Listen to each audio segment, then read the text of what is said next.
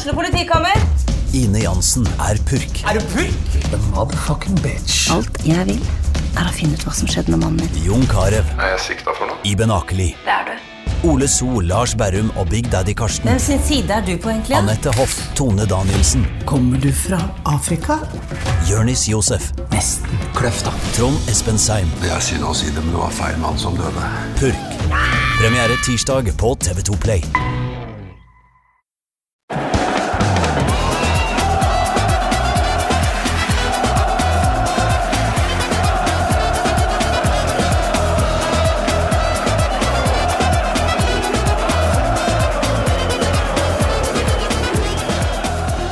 Hjertelig velkommen til en ny episode av Pyro og Pivo. Gjør deg klar for reker på grillen, dingoer som spiser spedbarnet ditt og um, mye faenskap. Eller ingen av disse tingene. Mitt navn er Morten Gallaasen, og i dag har jeg med meg deg, eh, Håvard Wien. Velkommen. Tusen takk. Takk for at jeg ble invitert. Jo, det Du inviterte nesten deg sjøl. Ja, jeg gjorde det. Du inviterte deg til å gjøre noe annet, egentlig. Og så tenkte jeg nei, dette blir jo episode. Og her sitter vi nå. Ja. Eh, Det er jo nå eh, begynner å bli noen både uker og kanskje måned siden at du eh, kom eh, sneik deg inn i innboksen eh, på Facebook, faktisk, som jeg aldri reklamerer for, eh, Pyro og Pivo, eh, og fortalte at du skulle til Australia. Ja. Og der hadde du tenkt å se fotball. ja. Um, jeg satt under Jeg klarte ikke helt å holde meg unna VM. Nei. Så når det ble sluttspill, så, så Australia og Argentina, og jeg visste jeg skulle ned til Sydney, så tenkte jeg de må jo ha en ok liga der nede, siden de kommer til VM. Det er ikke bare spillere i Europa på det laget. Så begynte jeg å google litt, eh, og så fant jeg ut at eh, det er tre lag i Sydney. Jeg skulle hovedsakelig være i Sydney. Og det var derby i Sydney mellom Western Sydney Wanderers og Sydney FC. Den første helga jeg var der. Eh, Så da, da, da kjøpte jeg billett. Det måtte du jo. Umiddelbart. Ja. Jeg var ikke sikker på om det kom til å bli utsolgt eller ikke, men jeg tenkte Derby, det er mye folk og ja. Jeg tror ikke vi har vært innom eh, Australia her tidligere. Vi hadde en egen episode om oseansk eh, fotball. ja. Men da var det vel ikke innom Australia, det var bare disse små øyrikene utover. Australia er jo ikke en del av det Os hva skal jeg si, Oceania sin, sin fotballføderasjon. Nei. Fotball, De meldte overgang for en del år tilbake. ja, de har vært en del av Asia eh, siden 2010 ca. Ja. Ja, for det var jo eh, merkelig nok vanskelig, eller lettere for Australia å kvalifisere seg til VM gjennom en litt vanskeligere kvalik, som det jo er i Asia. Eh, Fordi det var jo Selv om du vinner den eh, oseanske varianten, så må du jo gjennom ytterligere kvalrunde mot femmeren fra Sør-Amerika, eller Ja. noe sånne ting, Så det er jo Så det er vanskeligere å slå eh, Chile enn eh, Iran, eh, kanskje. Ikke sant? Eh, og det har de jo klart noen ganger. Uh, Socceroos de har jo vært med både ja, opptil flere ganger nå. De har mange spillere i Skottland. Ja, Fem-seks spillere ved VM-troppen var i Skottland. Mm. Husker ikke navnet deres nå. Og så har de, er vel kaptein på, på St. Pauli. Jackson mm. Irvine, ja. Eh, med bart og langt hår. Han, Som man skal ha når man Ja. spiller i St. Pauli. Ja, eller er fra Australia. Ja, det, Mye bart eh, på unge, unge menn der nede, som jeg synes var litt sånn, litt sånn merkelig. Mm. Ja, hvorfor det? Den sørlige halvkules uh, Trøndelag. Ja, kanskje. Ja. Men uh, før vi kommer til turen din, så må vi jo bli litt kjent med deg, som aldri har vært med før. Eh, Du heter Håvard, eh, glad i fotball. ja, jeg er eh, Vålerenga-supporter. Mm. Hatt sesongkort uh, på Bislett og Ullevål siden slutten av 90-tallet. Hatt en pause nå noen år, jeg har hatt små barn eh, de siste ti åra, men nå har jeg sesongkort igjen. Mm. Eh, Tottenham-supporter, eh, men blitt mer og mer glad i tysk fotball. Det liker jeg å høre. Mye takket være Dritte Halbseit. Mm. Eh, Jeg ble, tipsa om dem av en kollega.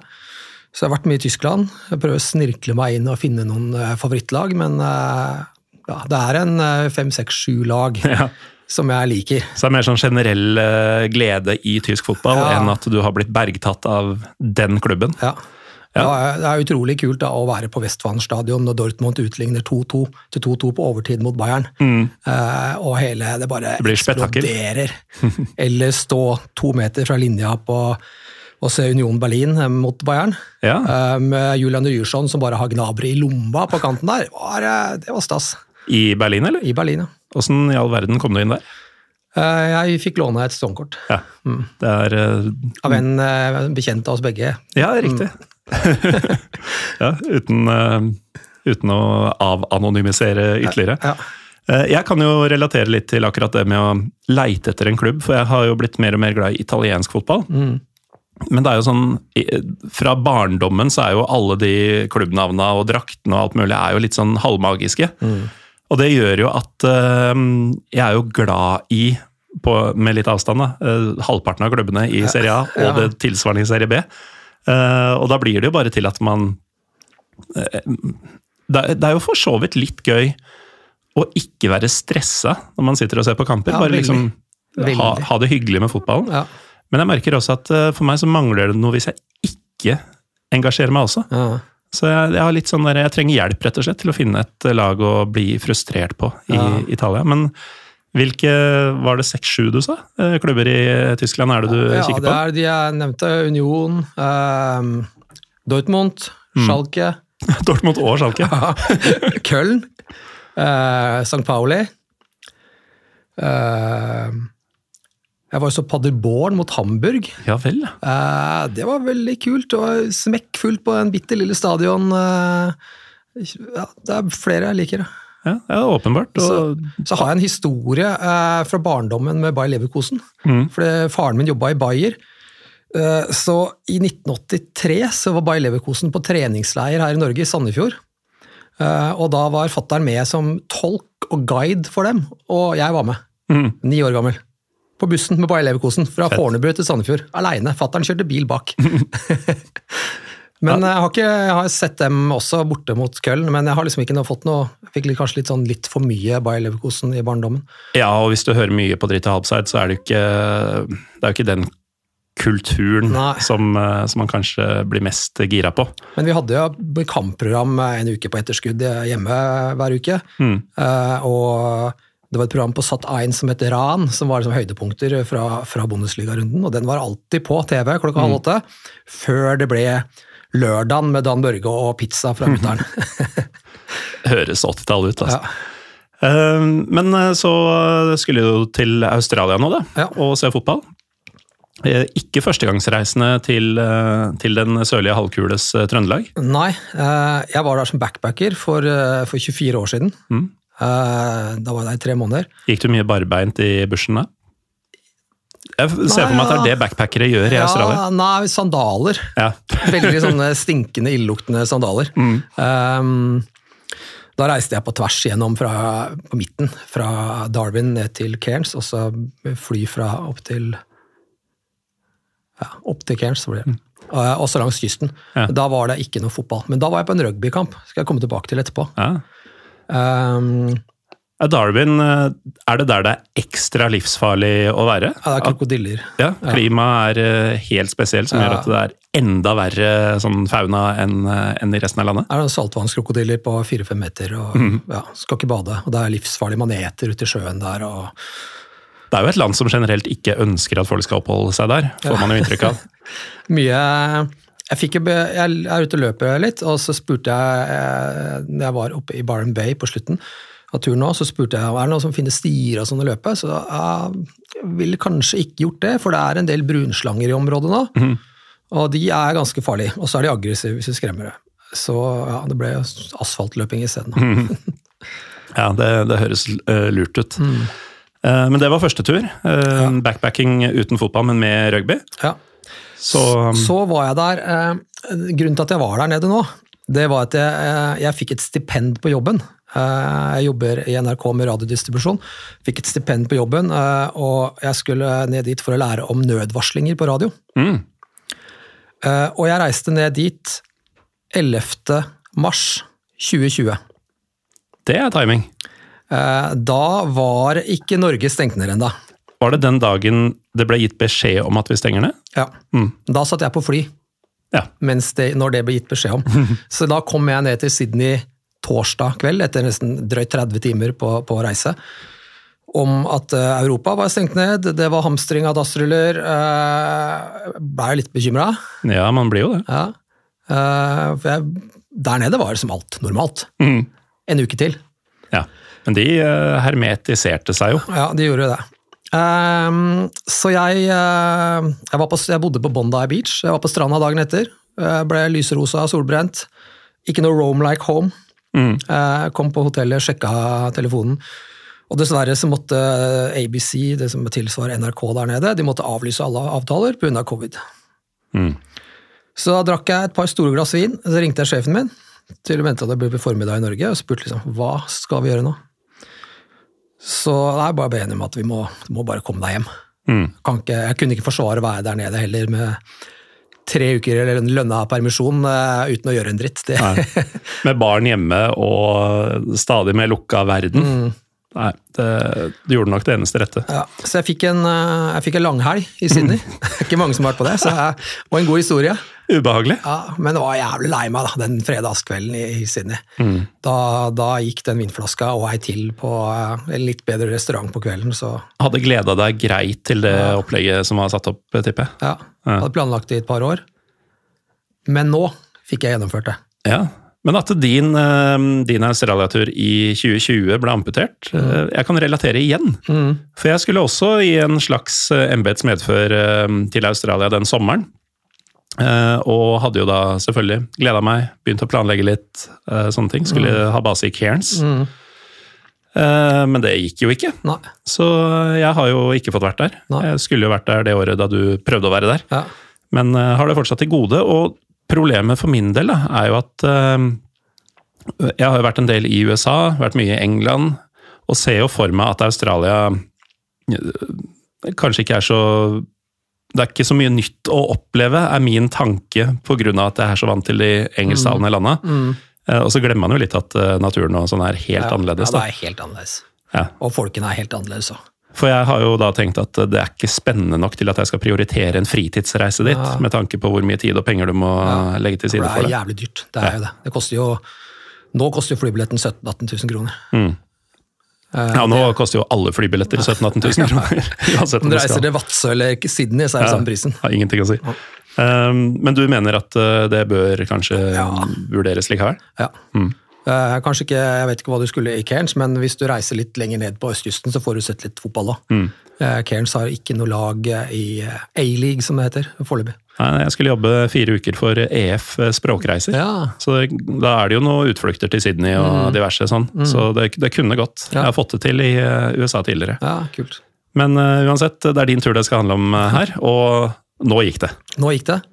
Jeg reiste ned eh, 8. februar via Singapore eh, og kom til Sydney på eh, ja, egentlig repetisjon av den turen jeg prøvde å få til for tre år siden. Samme flytidene nedover, bodde på de samme stedene som jeg hadde bestilt da. Jeg hadde samme kontaktene hos ABC. Eh, Så jeg hadde én uke med, med jobb, eh, mandag til fredag i Sydney, og så dro jeg opp til Barn Bay og skulle skrive en rapport på det her. Ja.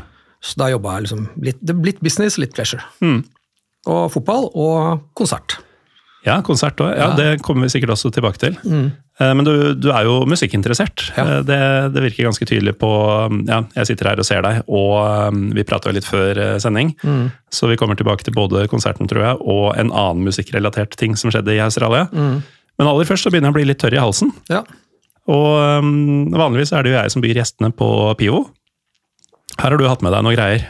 Hva, hva er dette? Det er eh, Victoria Bitter fra Melbourne. Jeg kjøpte eh, six, denne sixpacken her. Det har jeg med to stykker igjen. Eh, jeg skulle, Like ved der jeg bodde på Bondi, så var grava til Malcolm Young i ACDC. Eh, og som gammel ACDC-fan så kunne jeg jo ikke la den sjansen gå fra meg og eh, besøke han. Nei. Eh, fantastisk gravplass med utsikt over Stillehavet. Eh, Fire-fem kilometer, ja, kanskje ikke så langt, tre-fire kilometer sør for Bondi Beach. Men Er det en vanlig eh, gravstein og sånn, eller er det noe sånn Helt, shrine? nei, helt vanlig gravstein. Det står Malcolm Young, 1953, 2017. Mm. Og så står navnet til moren hans under. Muligens eh, dumt eh, spørsmål, men Malcolm Young det er han eh, gitaristen i shorts, ikke sant? Nei, det er han som ikke har shorts. Det er Angus, det. Ja, det er storebroren. Ja. Han som sto litt lenger bak og gikk fram for å kore. Ja. Fem skritt frem for å kore, fem skritt tilbake. Ja. Ehm, ja, og da ble det jo eh, litt sånn klisjéprega drikking med Malcolm Young. Ja, du har hørt på Ride On eh, på repeat eh, i 20-30 minutter. uh, og så kom det enormt Det var veldig, veldig store grav i kirkegården. Uh, og det er egentlig ikke lov å drikke offentlig i Australia. Nei. Så kom det en sånn golfbil med blålys sånn 500 meter unna. Ja, kanskje ikke så langt. 200-400 meter. Eh, motsatt side, liksom. da. Så da bare tømte jeg den jeg hadde, putta det i søppelkassa og gikk liksom motsatt retning, for jeg ville ikke, ville ikke utfordre noen. Da var det nok av den låta og den eh, seansen. Ja. Ja, men det er sikkert lurt. Eh, Det er jo nesten rart eh, å høre at det, de har sånne regler andre steder enn i Norge. Mm. For det er ganske vanlig på tur at man kan ta seg den pilsen på gata og på toget og alt mulig. Men veldig mye, mye skilt om at det ikke var lov å drikke alkohol offentlig. Mm. På strender og i gater og tog og Alle de stedene du vil Ja, drikke ikke øl. Ja. Ja, Kjipt. Så jeg tenkte på ettertid at Australia det skulle vært litt sånn Drømmelandet har liksom vært en blanding av Tyskland og Australia. Mm. Eh, Med liberale tingene i Tyskland og enorme fotballkulturen. Og klima og folka i Australia. Der er du inne på noe, tror jeg. Det har vært, eh, vært bra. Det er der sånn eh, jeg holdt på å si genmodifisering og disse tingene som tyskerne drev med i gamle dager, Ja. ideene de hadde. Det er sånt man skulle brukt det til. Vet du. Ja. Skape, mm, skape et positivt drømmeland. Nå tenkte jo kanskje tyskerne at det var det de drev med, men, men de tok feil. De tok feil. Veldig. Men jeg tar og jekker meg en sånn Victoria Bitter. Ja. Oi, den har Den har vært på ligget, reisefot. det har ligget i sekken uh, i dag, så Ja, ja, det har de jeg tok med også. Mm. Det ble mest skum først, men uh, den var ikke veldig bitter. Nei, den er ikke bitter, det er en lager. Mm. Uh, Det er en av de mest vanlige australske ølene. Eh, Carlton Draft er også et annet stort, stort merke, fra, jeg tror det er fra Sydney. Og så har du 4X fra Brisbane. Mm. Uh, ja, det er vel det jeg kan om australsk øl. Ja. Og det er stort sett pils det går i. Ja, Um, det er vel typisk sånn lyst øl for um, Altså, du har både, um, i hvert fall tidvis, uh, varmt klima, og du er etterkommer av britene. Mm. Ja. Da blir det litt sånn peace lagers, men Ja. den var god, den her. ja den er god, den. Uansett, eh, du eh, kom deg til Australia på ordentlig, Ordentlig. eh, denne gangen. Fikk drikke med Malcolm, og mm, hadde jo da, som du skrev til meg i um, innboksen, planer om å se fotball. Ja. Jeg var allerede første helga på to kamper. Mm. Det var lokaldarby i Sydney mellom Western Sydney Wanderers og Sydney FC. Western Sydney de kommer jo da selvsagt fra vestdelen av vestlige delen av Sydney, som er inn i landet. Ja. Eh, Og Sydney er et enormt stor by. Det bor fem millioner mennesker der. Eh, Fra Bondi og dit så tok det en drøy time med T-bane og tog. Når du sier Bondi, så blir jo det altså Siden jeg er helt på østkysten. Ja. eh, Så det betyr jo at stranda, Bondi Beach, som folk bør ha hørt om, ja. den er rett og slett landegrensa Det er landegrensa. Ja. ut mot Stillehavet. Um, ja, så har du Western, da. Eh, og i, uh, de, de som har penger, de vil bo ved kysten. Så uh, kystområdene er de, de bemidledes område, de med pengers lag. Aner vi konturene av at Western Sydney er litt mer folkelig anlagt? Ja. Mye innvandrere, hvis, det kan, hvis man kan si det om et land som er bygd på innvandrere. Eller mer- Innvandrede fanger, faktisk. Ja, innvandrere fanger. Veldig mye kids. Mm. Asiatiske kids Ja. på laget på, på tribunen. Mm. Det var, eh, det var fanmarsj. Ja. Eh, dette var, dette var haussa opp. Jeg begynte å følge de på Facebook-lagene på forhånd. Så det var fanmarsj, ikke lange biten, en, kanskje en kilometer, eh, og opp til stadion med bluss og røyk. Men det, det var ingen som turte å holde blussen opp i været, eller røyken opp i været, for da hadde du blitt arrestert. Oh, ja. Så de, liksom, de tente røyken, og tente blussen, og så lå de på bakken. Det er jo ikke noe kult. Nei. Det, det Eller noe trygt. Det funker jo på Med røyk kan det jo funke. Ja, og sånne, jo og sånne strobelys, altså blinkere. Ja. Nei, det var bare vanlig bluss, det var ikke blinkere. Det, så det var litt eh, Det var jo litt teit, egentlig. Eh, Ja. Men eh, det var positivt at det var fanmarsj. Mm. Og det var Jeg var på pub noen timer før kampen, og da var det mye folk. Mm. Det var liksom puben til uh, fansen til, til Western. Ja. Mye folk, bra stemning. Eh, Det var noen rugbykamper på, på TV-en, så det var ikke noe, mer, det var ikke noe fotballrelatert enda. Mm. Ehm, Jeg skal se, jeg har litt notater her, for her er, jeg har ikke Jeg må bare si det, jeg er ikke, jeg er ikke noen ekspert på australsk fotball. Nei, du er en, du er en fyr som har vært og sett australsk fotball. Ja. Uh, vi hadde jo um, en slags drøm om å ha med en tredjemann her i dag, Mm. uh, Casey Wehrmann. Men han er jo opptatt av å, med å trene 2010, så akkurat Ja. i dag så måtte han melde forfall. Ja. Hadde gjerne vært med neste uke, men det hadde ikke jeg tålmodighet til. Vi måtte snakke Australia etter eh, mange ukers uh, korrespondanse. Eh, Men eh, før vi kommer til selve opplevelsen, så du sa du fulgte lagene på sosiale medier i forkant og sånn. Ja. Hva var forventningene dine i, eh, til ja, Det er jo et derby, tross alt. Ja. Da, jeg hadde forventninger og uh, forståelse at det skulle bli mye folk. Uh, uh, Western Sydney spiller i en forstad som heter Paramatta, mm. ca. tre mil fra sen- sentrum av Sydney. Eh, stor bydel med skyskrapere. liksom Kjøre inn gjennom industriområdet med tog, og plutselig er det sånn fem-seks svære skyskrapere eh, og et ordentlig sentrum. Eh, det var mye varmere i innlandet der enn det var ute ved kysten. Fem-36 grader. Ja. Eh, Så kan man kan jo si mye om å, å se fotball i ror i i november-desember, og det er deilig å stå der og fryse litt, og sånn, men det er jævlig deilig å gå med palmetrær og 35 grader og slippe å fryse. Og liksom, se etter en skygge og sette seg. Ja, Det er godt, svette det. i stedet for å fryse. Ja, det er godt, det òg. Ja. Og den eh, kalde, lyse pilsen gjør seg jo Ja. bedre også. Altså, det, var, eh, det var mye folk. Det var eh, 20 25 000. Stadion plass til 30 000. Eh, Ny stadion i 2017. Hadde du forhåndskjøpt? Ja. Mm. Eh, jeg gjorde det fordi jeg ante ikke om jeg måtte. Mm. Så jeg kjøpte billettene jeg, kjøpte, samme kvelden som jeg så Australia og Argentina under VM, for jeg begynte å, begynte å google litt og sånn. Også.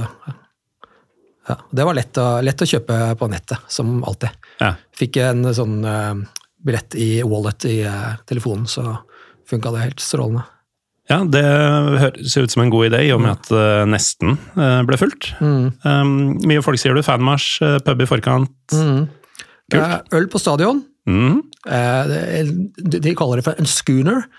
Det er litt liten blanding av er kanskje 0, litt mindre enn 04. Ok. Eh, litt dyrt øl. Mm. Sånn 70-80 spenn for eh, en sånn en liten en. Sånn 0,35-ish, Ja. kanskje? Så dy, Ikke dyrt i forhold til Norge, da, men, Ja. Eh, men forvente at det skal være billigere. ja. Når du får en halvliter for eh, 4-5 euro på Bundesliga-matcher, så tenker du at eh, der ligger landet. Men så glemmer man jo at i Tyskland så er jo Alle steder er ikke som Tyskland. øl er jo flytende brød. Ja. Det skal alle ha tilgang til. Det var jo ikke pølser, men det var burgere, pommes frites, litt sånn vanlig engelsk, australsk drittmat. Var det noe shrimp on the barbecue? Ikke noe shrimp på barbecue. Nei. Ja. Så er en myte busta Ja. allerede. I hvert fall ikke på fotballen. Og så er ikke jeg noe sånn eh, som er glad i sjømat, eh, så jeg eh, så ikke etter Var ikke på jakt etter det, eller? Nei, jeg var ikke på jakt etter det. Men jeg så ikke noe Det var ikke noe rekelukt på stadion. I hvert fall ikke av Nei. Så nei. Um, Western Sydney er jo et lag Eller kan si litt om den australske ligaen først. ja, gjerne. Eh, det heter jo A-league. Mm. Uh, den ble starta opp eh, sånn 2005 ca. en etterkommer av National Soccer League. Det høres ut som en pro profesjonalisering allerede der. Ja, Så det er liksom det er sånn amerikanisert, da. Mm. Uh, For du kan ikke rykke opp, du blir plassert inn.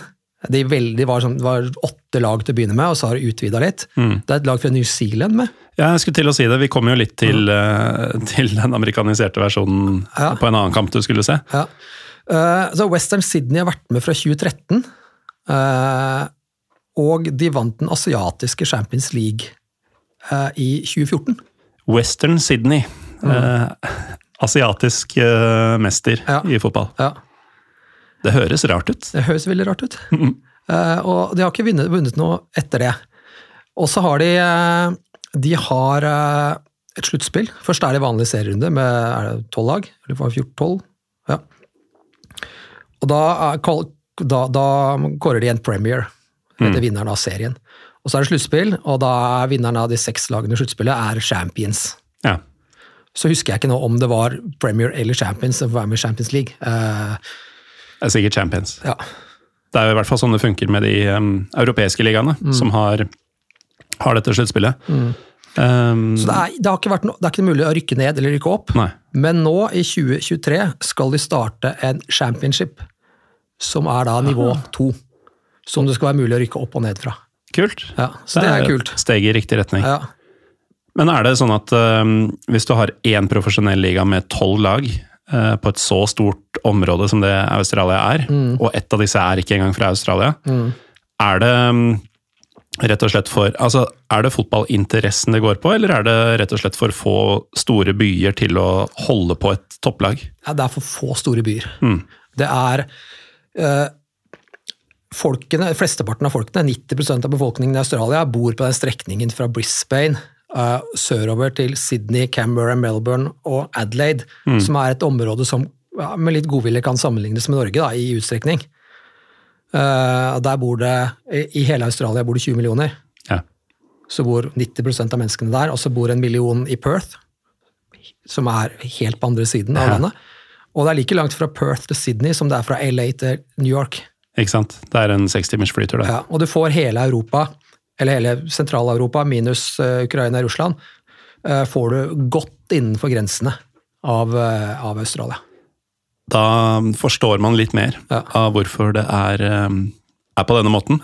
Så du har, du har ett lag i Perth, så har du ett lag i Brisbane, og så er det ett i Adelaide, og så er det tre lag i Melbourne, og så er det tre lag i Sydney, og så har du eh, på New Zealand, Wellington Phoenix, og så er det i Newcastle eh, og Central Coast, som er én og to timer nord for Sydney. Eh, så hvis man skal dit da, og, og få registrert litt matcher i banehopperappen, så er Sydney og områdene der eh, det beste, best økonomiske. Ja. Greit idiotisk, egentlig, hvis det er en banehoppertur å, å legge den noe annet sted. Mm. Det er ikke sikkert at dette var noe du sjekka ut, men det må jo være en del amatørfotball eller sånn andre ting også å registrere hvis man først er i området. Det er det. Eh, Jeg var ikke på noen andre kamper, eh, men jeg registrerte så på appen at det er kamper i nærheten. Mm. Og hver stat, delstat, eh, har sine interne ligaer. Mm. Eh, Det er jo delstater der på samme måte som i USA. Ja. Eh, Åtte delstater. Ikke sant? Ja, men da har man, eh, har man litt eh, slingringsmonn, eller litt eh, bakgrunnsinfo her. Mm. Og så har jo du fortalt litt om oppladninga til dette derbyet. Ja. Eh, Litt om forventningene dine. Når du kommer inn på stadion der, eh, du har jo sett fotball i mange land, som du sier. Du Mm. er eh, aktiv, eller skal igjen bli aktiv på um, Vålerenga-kamper. Hvordan var eh, stemninga ved, altså, i forkant av matchen? Jeg kommer inn på stadion, så er det helt åpent. Du kan gå over hele stadion. Mm. Så jeg gikk litt sånn, jeg fant ikke plassen min engang, så jeg gikk feil. Og plutselig så var jeg blant Sydney-supporterne. Altså siden i FC? Ja, Sydney FC. Så, så det, var ikke noe av, det var ikke noe stenging mellom fans. Det er interessant. Ja, men, og jeg har tenkt på det etterpå, det er, og det er jo litt fint også. Det er greit at man skal være rivaler, men da må jo ikke slåss. Det går an liksom å være å snakke med hverandre. Men altså, En ting er at det ikke er avgjæring, og sånn, men det var ikke noen vakter som sto og passa på at eh, du, unnskyld, men er du sikker på at du skal hit? Mm, Ikke noe. Jeg, kunne, jeg gikk ned på, jeg, Bare for å sjekke, så gikk jeg ned på det feltet til Sydney FC. Uh, og ikke noe problem. Nei. Så Søtt. ja, veldig søtt. Men samtidig så er det kanskje et eh, tegn på at det rivaleriet, og at eh, det har ikke nådd så langt ennå. Det her har vart i ti år. Mm. Det, ikke, det har ikke vart i 100 år, som det, er, som det har gjort i London eller i Ror eller i Berlin. Ikke sant? Nei, I Berlin har det bare vart i Ja. fire års tid. Ja, Men, sant? men eh, da er det vel ikke sånn superintenst og hatefullt eh, i opplandinga til matchen heller? er jo litt på sosiale medier. Ah. Ja, det var det. De hater hverandre, og de synger om det. Eh, men, men det var liksom det var Men la oss ta en pils sammen på tribunen. ja, det var, Så det var, ikke, det var hat i verbalt hat. Ja. Var det. Ja, det holdt seg til det. Ja. Um, det var bra trøkk på tribunen. Ja. Eh, både, det var fullt bortefelt. Ja, for det var felt og stående gjenger og sånn, sånn som vi krever Stå, av fotball. ståplasser med, med bølgebrytere. Det er jo egentlig et rugbystadion. Ja. Parramatta Eels spiller der. Så stadion er litt grann lengre enn en fotballbane. Eels. Ja. Parramatta betyr visstnok elvemunningen der det lever åler, Ok, på eh, abor aboriginal-språket. så det er um, elvemunninga der det lever åler åler Ja. som spiller rugby på dette Ja. stadionet. Ja. Ja, det, det gir mening. Ja. Eh, og, og stadion Alle disse stadionene Det er jo, var jo som jeg sa, flott nytt stadion, samme til Sydney FC også. Men det er jo, det er jo fullt når det er rugbykamper der. Det er rugby union som er liksom det store. Ja, for det er to typer rugby som spilles i Australia. League og union, Mm. Ja. eller? Ikke spør meg om forskjellen. Nei, Nei, da skal jeg ikke spørre deg om forskjellen. Men det er folk som er eh, opptatt av det, er veldig opptatt av at det er den ene typen som gjelder. Den andre er piss. Mm. Ja. Jeg tror det er veldig få som er lidenskapelig opptatt av begge typene. Jeg tror den store eh, Arrester meg hvis jeg tar feil, men jeg tror det som er mest populært der nede, da, mm. de har en sånn felles liga for rugby union i Australia, New Zealand og Sør-Afrika. I alle dager. Så det er langt på bortetur. Det er seriøs reising. Det er litt sånn eh, Eller det er faktisk verre, tror jeg. enn Nei, ok, det er som uh, Coupe de France, altså den franske cupen. Den ene av de to franske cupene. Hvor også klubber fra oversjøiske territorier Mm. Ja. deltar. Ja, det er verre. Og det er rein trekning. Ja, det er herlig. Så i teorien så kan PSG måtte dra til sånn Polynesia Ja. for å spille cupkamp. Martinique. Ja. Men eh, det er eh, altså det er fotball, og det er australsk fotball vi egentlig snakker om her. Ja, Eh, Kampen kommer i gang. Kampen kommer i gang. Da, kommer, da blir det TIFO. Ja. Svært TIFO. Det er bilde av Hva heter han med de lange neglene fra den der skrekkfilmene? Han, Freddy Kruger. Freddy Krueger, som holder sine da ø, rødsvarte, klamme hender over det lyse blå Sydney Operahuset. For Sydney FC er jo da lyseblå, eh, og fra den delen rundt Operahuset og, og østover mot kysten. Som er sånn kakselaget. Ja, kakselaget. Eh, litt motsatt av her i Oslo. Øst og vest eh, motsatt. Mm. veldig kult. Det var røyk, det var bluss.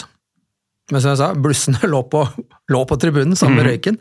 Så det funka ikke. Jeg synes det var veldig, ganske teit med den blussinga da. Da kunne de bare gitt faen. Kan egentlig bare drite i det. Ja, Men eh, de, de skal ha for at de i hvert fall antagelig smugla inn Ja. og tok en slags risiko. det, var ikke, det var ikke rare visiteringa ved inngangen. I hvert fall ikke Nei. for meg. Jeg vet ikke hvordan det var på de.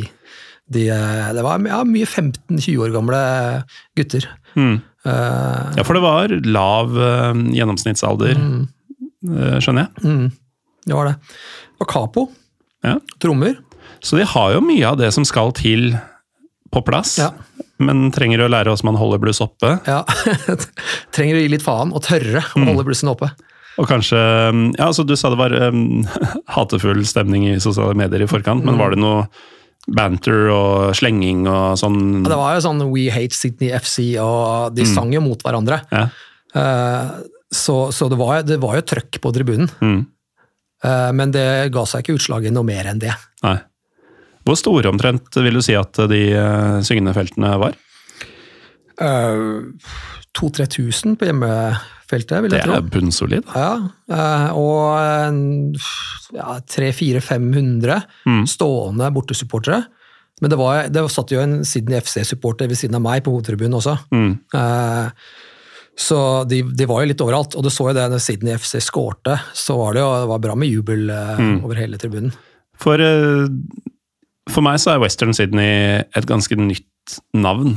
Mm. Uh, selv om de da tydeligvis har en kontinental tittel. Ja. Jeg hadde ikke hørt Så- om dem før, Nei, før jeg begynte å google. Og inntrykket mitt er at Sydney FC er en større klubb. Ja. Det, Stemmer er, det, er, det stemmer. Mm. Han, han karen ved siden av meg han sa det, hvis den, den kampen her på Sydney Football Stadium eh, hadde vært, eh, vært, dobbelt så mange mennesker. Ja, ok. De skal spille mot hverandre der. Da snakker du 40 000-50 000? Ja, de skal spille mot hverandre der nå til i helga. 18. Ok. Det Jeg mener å huske også at eh, det har gått an, i hvert fall, å se australsk fotball på diverse betting-sider. Det er mulig. Eh, Hvis det går an, så høres det ut som en eh, match verdt å sjekke ut. Det er på motsatt tid av døgnet, da, så man må Mm. Det klarer å- folk. Ja, klarer det. Jeg prøvde å følge med på noe Champions League, og sånn, men det begynte jo klokka fire om morgenen. ikke sant? Så, Mm. Ja, det, det går ikke. Nei. Men uh, uansett, eh, det er uh, kapoer, trommer, tifo, eh, forsøk på blussing. Bra besøkt eh, både på sittetribunene og de to ståfeltene. Mm. Men åssen går eh, kampen? Det eh, bølger litt frem og tilbake. Eh, nivået vil jeg si er litt sånn tippeliga-ish. Ja, Jeg er ikke noe sånn, jeg er ikke noe sånn fotballfaglig eh, sterk, det skal jeg ikke ha på meg. Det er her vi skulle hatt Casey. Ja, nettopp. Men sånn cirka tippeliga. Ja. Eh, når jeg var der, så, kom jo, eh, så ble jo Amor Leoni fra Vålerenga leid ut til Western Sydney. Det skjedde jo mens jeg var der. Eh, dessverre fikk jeg ikke sett han. Jeg tror Nei. kanskje han satt på flyet eller var på vei nedover da. Men de trodde jo at de hadde fått en verdensstjerne. Men jeg snakka med noen på puben der, og, og som bare Det er Han framstiller seg selv som det, da. Ja, jeg prøvde å forklare hva en partysvenske var, men det var ikke så lett. He's what we call a party swede. Party Swede. Ja. Um, nei, de, de har nok ehm, de, de kommer til å oppdage hva han er. Ja. Men han har eh, vært i startoppstillinga nå, har jeg sett. De mm. kampene etter at han kom. Ja, men det er klart når du henter en verdensstjerne. Ja. Han skal spille, vet du. Men de har jo en annen, eh, ikke verdensstjerne det, men eh, Morgan Schneiderlein spiller der. Ja. ja, han er i hvert fall et navn som eh, folk rundt i verden kjenner til. Ja. Men litt på dalende kurve, vil jeg tro. Han tålte ikke å forlate Southampton. han. Nei. Det, det burde jo egentlig heve enhver spiller å komme seg vekk derfra, Mm. Ja. men ikke i hans tilfelle. Det endte 0-1 da, til bortelaget. Mm. Uh, stor jubel blant bortefansen. Uh, og så gikk folk hjem og var uh, fornøyd med det. Ja, like glad. Og du eh, ble jo da ikke værende i Vest-Sydney, vil jeg tro. Jeg antar at du tok samme turen som eh, bortefansen? Ja. Så jeg, det var bra med folk på toget, men det var ikke noe sånn hopping og dansing på toget tilbake. Nei. Eh, men eh, ikke noe bråk heller. Men det var, folk var joviale og glade. Job well done. Ja, Tilbake til familien. ja, Er det, ja, for det er tog som gjelder? ja. Mm. Det er liksom forstadstog slash T-bane. Ja. Uh, usikker på når det går fra å være T-bane til tog, men Ja, det er litt vanskelig også i Tyskland. Hva er S-banen egentlig, når du i tillegg har U-banen? ja. Begge er jo veldig T-baneaktige. Ja, forstads, forstadsbane, Mm. vil jeg tro. Ja. Men prøv å ta den diskusjonen med bergensere. Prøv å fortelle en bergenser at Bybanen er en trikk. Ja, det er Da får du så hatten passer. Det er jo en trikk. Det er jo det. Ja, det er jo det. Det er ikke noe annet. Nei, det, det er galskap å hevde noe annet. Ja. Det var kamp én, eh, Håvard. Ja. Dette var da første helga du var der, eller? Ja, det var, jeg kom eh, sent torsdag kveld, så det her var lørdag, lørdag kveld. Mm. 1945 lørdag kveld. Så da var jeg fortsatt litt eh, døgnvill og klar for å være oppe lenge. Ja, for det er jo, for de som ikke har reist eh, langt øst eller vestover, det er jo den østlige reisinga som virkelig fucker med døgnrytmen. Ja, Jeg har slitt mer enn jeg kom hjem, jeg. Ja, fra Australia? Ja. Ja, ok. Ja, fordi min erfaring er stort sett USA, USA, og da er det alltid ganske heavy å komme dit. Mm. Et par dager, men eh, Eller blander jeg nå, kanskje? Nei, det er ganske greit å komme dit. Ja. Og så er det heavy å komme hjem. Ja. Men det er jo fordi man reiser jo fram i tid. Ja. Så selv om du reiser fra si New York eh, ved midnatt lokal tid, da, så um, er du jo langt utpå ettermiddagen i Norge når du kommer hjem. Ja. Selv om det ifølge din kropp er åtte om morgenen. Ja. Jeg hadde, jeg hadde noen, sove, noen lette sovetabletter, Mm. så jeg tok det på den første lange flyturen fra København til Singapore. For at jeg da skulle være våken på den neste lange flyturen fra Singapore til Sydney. Hvor lange turer snakker vi da? Da snakker vi først en time til Kjøben, 13 timer til Singapore. Altså litt mellomlandingstid da, i Kjøben. Ja. Time eller to. 13 timer til Singapore, og tre timers venting. Og åtte timer derfra til Sydney. Det er såpass, ja. Og så halvannen time fra flyplassen da, til du er der du skal være. Mm. Så det blir sånn 30 pluss. Ja, For det er fort gjort å undervurdere um, lengden, altså reiseveien, i områder som du ikke kjenner til. Mm, Jeg tenker jo umiddelbart sånn at ja, har du først kommet til Singapore, så er du omtrent der. Ja, nei, Da er liksom en, en drøy New York-tur i tillegg. Ja, det er litt over halvveis, liksom. Ja. Så det er jo en mareritt av en, av en flytur. Mhm. Litt bedre når du skal nedover, hvor du gleder deg og er litt gira på det. Mm. Men hjem er det bare et helvete. Det er uh, Uff. Men uansett, du, du hadde tatt noen tabletter på veien til og gjort ditt for å være noenlunde i vater Ja. de første dagene, og Ja. kom deg opp av denne kveldskampen. Ja, jeg gjorde det. Så sto jeg opp dagen etter, og da dro jeg til en annen forstad, også uh, i vest, men sør-vest i Sydney. Enda lenger med tog. Mm. Uh, et lag som heter MacArthur. Uh, de ble tatt opp i A-league i 2017. Ja. Bare MacArthur? Ja. MacArthur FC Ja. heter det vel. Hva i all verden kommer det navnet av? Uh, usikker. Høres jo ut som en fyr. Ja, uh, og de spiller et område som heter Campbelltown, så jeg vet ikke hvor det navnet kommer fra. Mm. Uh, De spilte mot Wellington Phoenix fra New Zealand. Mm. Og her må vi jo bare stoppe opp litt, fordi jeg så jo lista di med kamper og tenkte sånn Dette høres jo Altså, det må jo være det Wellington. Ja, altså, en av de, Vi snakka om at det var få store byer i Australia, det er jo enda færre i New Zealand. Men Wellington er jo en av dem. Ja, Det er egentlig to store byer der. Det, er, det er Auckland, og hovedstaden, og Wellington, Ja. som det bor folk i. Ja, og Christchurch som en nummer tre, hvor det ikke bor noen folk, men som er kjent fra Bad Taste, tror jeg. Jeg mener å huske at den blir enten name-droppa, eller at det foregår der. Ja. For de som ikke veit hva det er. Eh, En tidlig Peter Jackson-film. Ja. Ganske langt unna det han skulle bli kjent for seinere i karrieren. Ja. Der er det hjernemasse og alien-rumper som sprekker ut av bukser. og Det er helt utrolig syk lavterskel, eller lavbudsjettsgreie. Um, uansett, du kommer deg til Eller ja, Ja, det, dette med Wellington. Ja. Det er altså tatt inn et lag fra naboland Dette er da, bare for å sette det litt i kontekst, Australia hører jo geografisk til Oseania. Ja. De har valgt å bli en del av Asia når det gjelder fotball. I tillegg så har den australske ligaen, som nå tilhører et annet kontinent fotballmessig enn de egentlig gjør, tatt inn i den nasjonale ligaen sin et lag fra et annet land. ja. Det er jo NBA og NHL, det. Det er jo det. Mm. Det er akkurat det der. Og før Wellington Phoenix var med, så var det et annet lag med, som het New Zealand Knights. Ja. Som eh, ble tatt ut av ligaen fordi de var eh, elendige. Ja. Og det var elendig økonomisk styring. Og så tror man at Wellington Phoenix skal bli noe bedre. De, eh, I skrivende stund så ligger eh, dem an til sluttspillplass. De ligger på femteplass. Mm. Eh, de vant den kampen jeg så, mot, eh, mot eh, MacArthur FC. Ja, De har farger som du liker, de er gule og svarte. det er jo Så jeg helt eh, at du, nydelig. eh, da har du ditt lag der nede. Ja, det er veldig pyro pivo å ha det ikke-australske laget som Ja. favorittlag i Australia. ja, ikke sant? Men det, altså det ble borte, borteseier i de to første matchene. Det gjorde det. Det er jo litt antiklimaks. Ja, det gjør- er det. Jeg skulle liksom være Når jeg er på kamper som ikke er mitt lag, Mm. så holder jeg jo med hjemmelaget, sånn av respekt for fansen. ikke sant? Du skal jo det. Det ble ikke sånn her. Nei. Fordi eh, det, det var ikke Altså der det var bra trøkk og bra interesse og litt sånn forspill og sånn i um, western Sydney, så var det ikke det, det var oste ikke fotballby og fotballkultur Nei. da det kom til MacArthur. Nei, det gjorde ikke det. Det var helt tomt. Mm. Jeg kom, eh, Toget tok vel eh, en hal- en halvannen time eller en time og 20 minutter. Og kom av toget, så ser jeg stadion sånn 300 meter unna, Mm. og så bare Helt tyst. Det kom en bil forbi, det var noen som gikk ut fra en bensinstasjon. Og så begynte jeg liksom å google litt, er det noen puber? Så heter jo alle pubene i Australia heter et eller annet med The Hotel. Okay. Gjerne The Crown Hotel. Fordi de er hotellpuber, eller er det bare at kanskje det varte opprinnelig. Mm. Eh, men det er, um, det, det er navnet på pubene. Mm. er Et eller annet med hotell.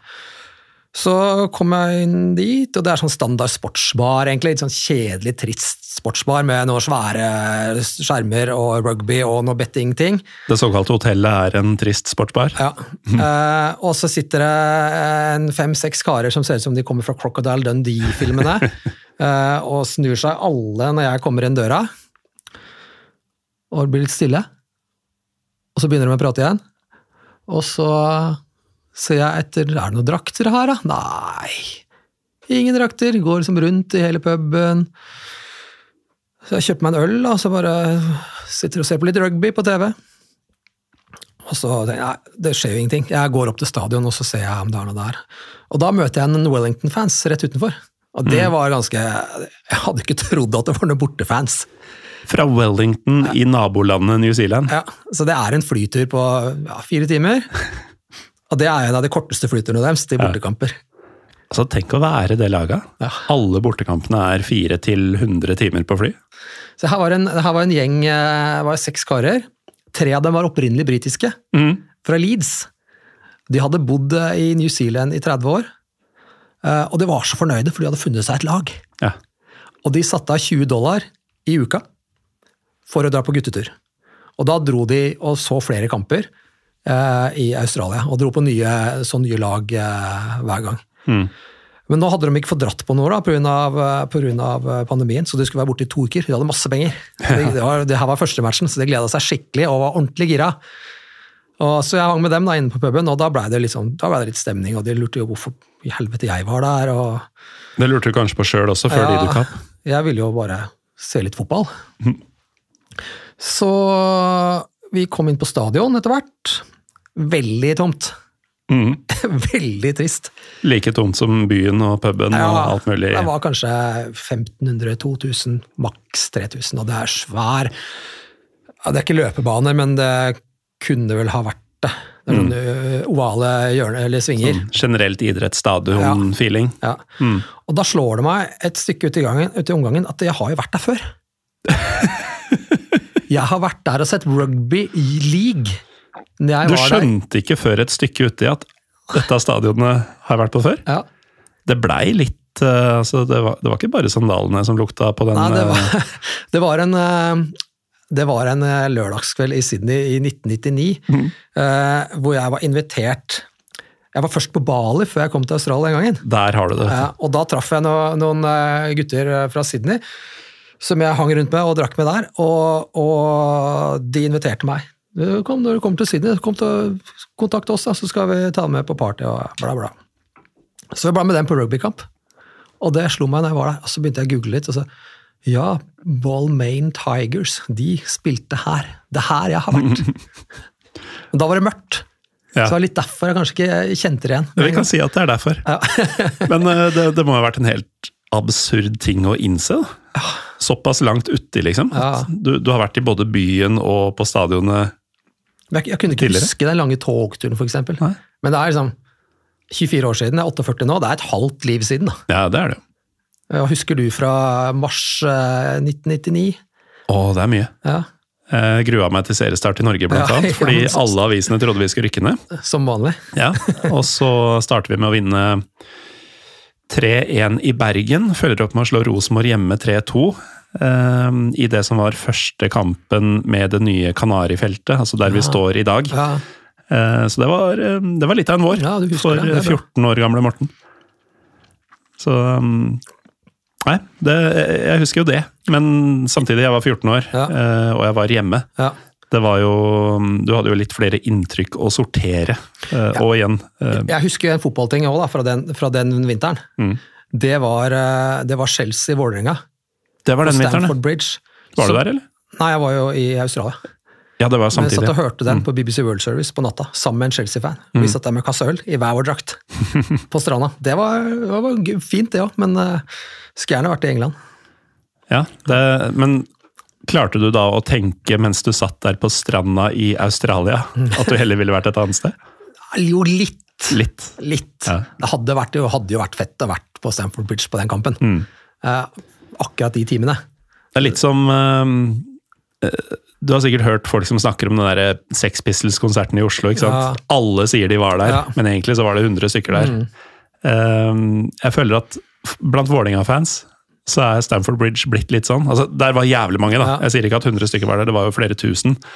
Men de som ikke var der, jeg tror det er lett å bare Jeg tror kanskje den besikta sportet Mm. er kanskje mere Ja, den, der, var det, der var det bare 100. ja? Men der er det mange flere som har sagt at de har vært. Det er jeg ganske sikker på. Jeg kjenner flere av dem som har sagt, som sier at de har vært der. Mm. Jeg er usikker på det, altså. Prøv å grille dem litt. Jeg kan bli med, for jeg Ja. kjenner jo eh, byen litt. Ja. Og bare sånn, ja, åssen ja, nei, det det, det, hadde, det hadde du visst hvis du var der.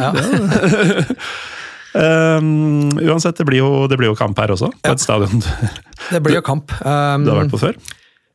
De, de, de Wellington- Wellington-gutta, de, det var Ja. dritvarmt. Det var jo godt over 30 grader. Apropos, du, du ble på bortefeltet med dem, eller? Ja, det ble på hovedtribunen. Ene, ene hovedtribunen. Ja. Usikker på om det var vi som var på hovedtribunen, eller den andre. Mm. Motsatte, for det var like lite eller mange folk på hver side. Ja. Så tar en av de, eh, eller to av de kara, de eh, tar av seg eh, trøya. Sitter i baris. Nei, Det var ikke lov! Det var ikke lov var å sitte ikke lov å sitte i baris! Så mye som ikke er lov i Australia. ja, og der er det jo klima til å være i baris. Mhm. Der kan du se på TV i England, og det er to minus. Folk står i baris. Ja. Da er det, som, er, det er ikke noe grunn til å stå i baris. Der er det grunn til å stå i baris. Eller sitte. Ja, du er jo nesten nødt. Ja. Så, men det er øl der òg, da. Så det kommer jo, vi, kjøper jo runder med øl, så det blir bra med øl Mm på matchen. Så det var hyggelig, det. Men fortsatt samme drittmaten, da. Ja. Pommes frites og, og dårlige burgere. Ja, det er Altså Burger og pommes frites høres jo i utgangspunktet godt ut, og ofte er det jo det. Ja. Men tenk at det går an å gjøre sånne ting som nesten er umulig å fucke opp i utgangspunktet. Altså, du skal, være, du skal gå inn for å lage en dårlig burger Ja. for å få det til. Ja. Men hvor utbredt dårlig burger faktisk er. Det er veldig utbredt. På Åråsen så får de ofte burger som er eh, frossen i midten fortsatt. Ja. Så vidt kasta på grillen. Ja, koster jo sikkert 90 kroner eller noe sånt. Nei, fy faen. Um, men eh, gutta fra Leeds som holdt med Wellington, De, eh, de var fornøyd. Ja, de var fornøyd, men det blei jo eh, Det blei Det var 1-0 til, Wellington ganske tidlig. Mm. Så fikk Wellington på, på, eller på 0-1, da, så fikk de to straffer som de brente i løpet av fem til ti minutter. Mm. Rett før pause. Og så tror jeg, tror jeg at hjemmelaget fikk en straffe like etter pause som de skårte på, og så vant de 2-1. Så det ble jo tap for mitt, mitt i parentes, eller med hermetegn, lag. Mm. Der også. Og nå ser jo ikke lytterne det, men jeg antar at det bildet her som du har sendt meg, det er fra den matchen? Det er fra den matchen. Ja, du, jeg kan jo bare si at du har beskrevet stadionene og oppmøtet eh, ganske eh, spot on. Ja. Eh, og jeg tipper at eh, så lenge du ikke setter deg på bakbeina, at dette kommer ut på um, Instagrammen vår etter hvert. Eh, blant litt andre ting du har eh, sendt. Det er bare å legge ut.